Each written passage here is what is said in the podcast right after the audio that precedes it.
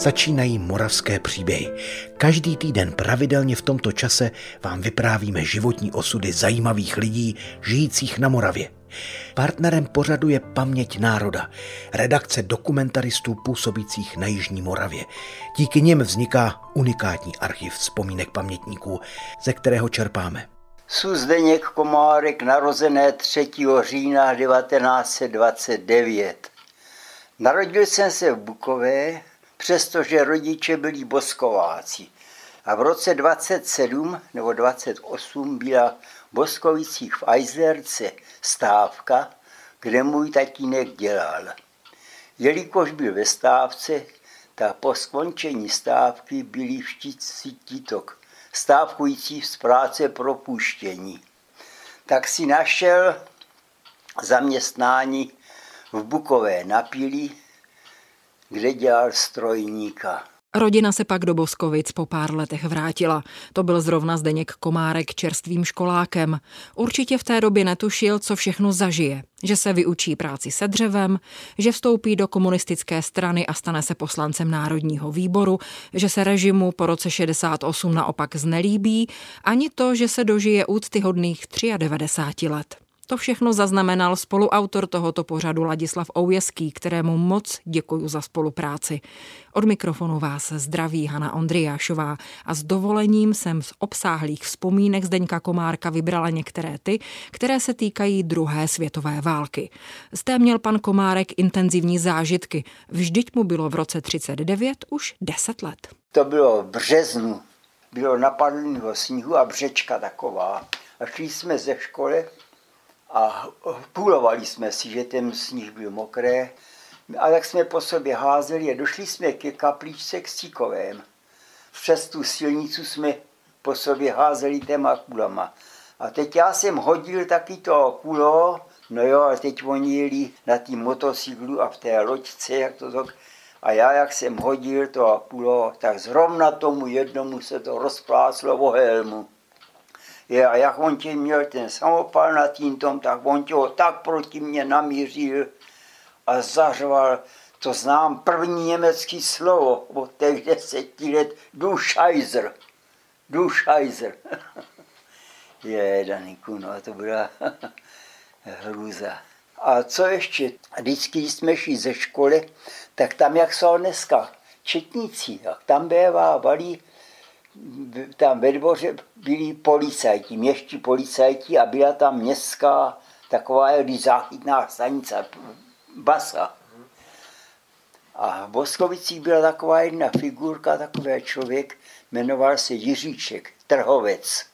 No a ten hodně chlastal a když oni ti Němci přijeli, tak on po náměstí hulák a božá, vy kurvy německý, víš, a tak rukou, to, to, tak ho policajti e, zatáhli tam do té base. On tam byl několik dní v té base. Tak vždycky jsme šli ze školy, tak jsme tam byli poslouchat, jak on furt nadával. Jak on, víš, a no tak to se nám líbí, víš, takový ty slova který jsme ještě neznali. Aby to ale nevypadalo, že válka byla pro kluky dobou veselých dobrodružství. Ba přesně naopak. Vždyť Zdeněk Komárek byl i svědkem toho, jak jeho židovští vrstevníci museli odjet do koncentračních táborů. To zase ve škole, tak když oni měli odsun, a tak, tak nevím už s kterou učitelkou nebo s učitelem jsme šli eh, je vyprovázet. Oni měli seřadiště, oni někdo píše, že to měli uvážné studny, ale to možná byly ty transporty dva, nebo co, já nevím, jestli to bylo rozdělené na dva tyto, že my jsme byli u Kajzru. No a tak my jsme šli, my jsme šli vyprovázet ty spolužáky na nádraží. U vagónu nas, museli nastoupit, že to tam bylo tenkrát, to tam byli ti protikrátní četníci, naspali je do vagónu, a ty, odsaď to nejeli v tým tom dobyčákách, tady jeli v normálním vagónu do Skalice, jak tam potom přesedali, do čeho to nevím. Že tam jsme do Skalice ne, nešli a, a to jsme se nezajímali jako děcka bo to. Tom, jak odešli, tak ti už se nevrátili nikdo. Akorát, co si pamatuju, tak z dívčí škole odešla Švarcová, No a tak ta holka, ta chodila teda do dívčí, ta byla tak stará, jak, jak my.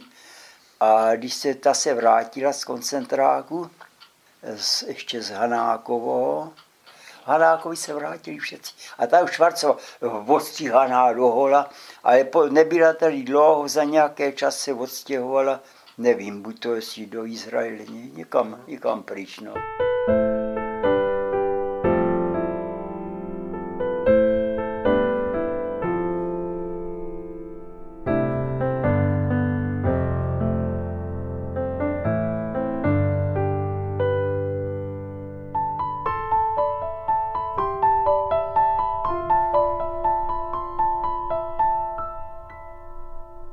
No ještě mám vzpomínku jako, jako kluk, to nevím, jestli jsem byl eh, v druhé nebo třetí třídě, jak jsme šli vítat eh, Masaryka do Skalice.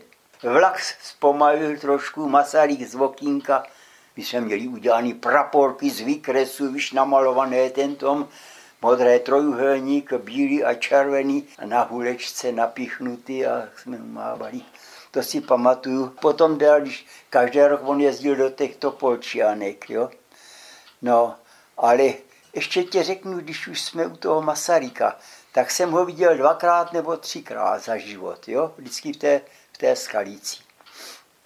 Ale tenkrát se taky říkalo, že Masarykův otec je Franz Josef.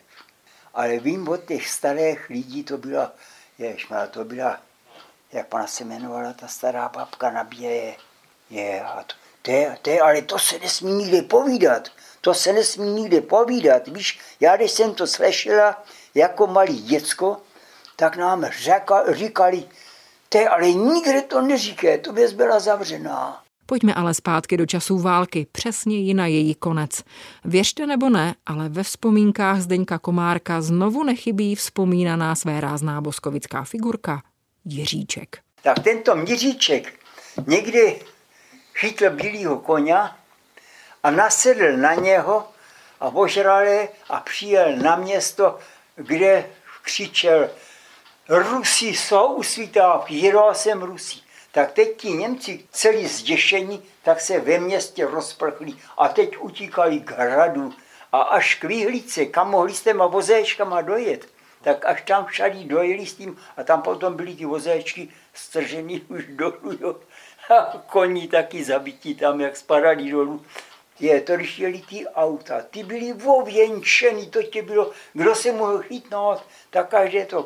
Oni měli napsaný na autech 40 metr Abstand, 40 metrů, ale oni jeli těsně za sebou. A teď, jak některý to auto zastavilo, druhý džik do toho. A jak oni tam byli navěšení, tak toho jednoho tu tamto tak spal dolů, druhýho přejelo, tak ho otáhli do příkopy a jeli dál. Ti vojáci byli rozpachnutí v to. No jo, jenomže z toho lesa neznámé terén, tak se hleděli dostat eh, někde k silnici, aby, měli, aby mohli nabrat nějaký směr. No a my jsme u těch Mazalovek tam stáli s těma Rusama a teď jsme viděli přes Válchovsko, tam šli dva. Tak tito Rusi trapem za něma a za chvilku už je přivedli. A seřadiště bylo těch, těchto zajaců, to šel průvod s praporem bílým od Vraťkova a u toho klevetového mléna, tak tam bylo seřadiště tohoto a tam seděl u stolu štáb důstojníků. Jo? A teď ti zajaci, tak v taková již byla řada. A tak museli každé vojenskou knížku, ti, co nebyli odsázení, tak ti dostali svůj ruksak a šli do řady, která šla do zajetí. No a z toho teda těch 16 vybrali, co byli vybraní, tak ti tam furt seděli na té mezi, hlídka u nich se samopalem. Pak najednou, až to skončilo, tak styk a seřadili se po dvou a valili. Tam se museli všetci zeslíst do spodního prádla. Říkali, že potřebují pro zajace, aby víš, uniformy v oblečení. Teď je k těm stromům tam tak nastavěli do tohoto. Tady na paře postavili kulomet, my jsme s Jarnem Paděrovým stáli tady za něma. A napřed stříleli do hlavy, jež má, když té hlavy prásklo. Tak to tě si viděl na tu borovicu, jak to vyšplochlo, jak když, jak když rajská máčka. To byla hruza. A tady ten tom poslední, co byl, to byl nějaký důstojník, tak ten se snaží utéct, ale utekl takových, myslím, 20-30 metrů zde a tam ho to chytlo. Zdeněk Komárek dokázal i desítky let po válce vyprávět zážitky obdivuhodně detailně. Vybavovali se mu pocity, přesná místa i jména dávno nežijících sousedů nebo kamarádů. Ani pan Zdeněk Komárek už není mezi námi. Zemřel v lednu roku 2022.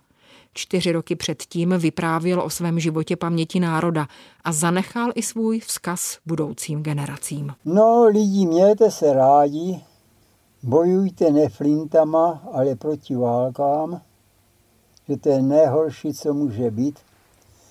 Prožít to, co my jsme v dětství prožívali, tu válku, ten strach, tu hrůzu a hlad a bídu.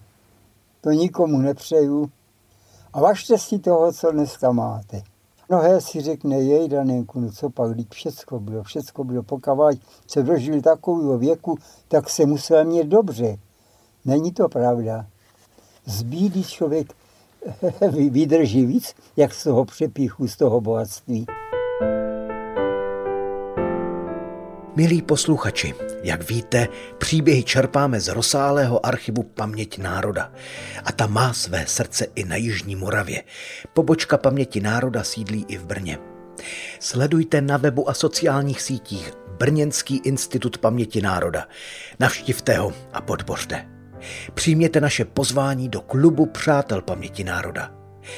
Díky vám zdokumentujeme paměť Moravy. Vše najdete na webu paměťnároda.cz. Děkujeme.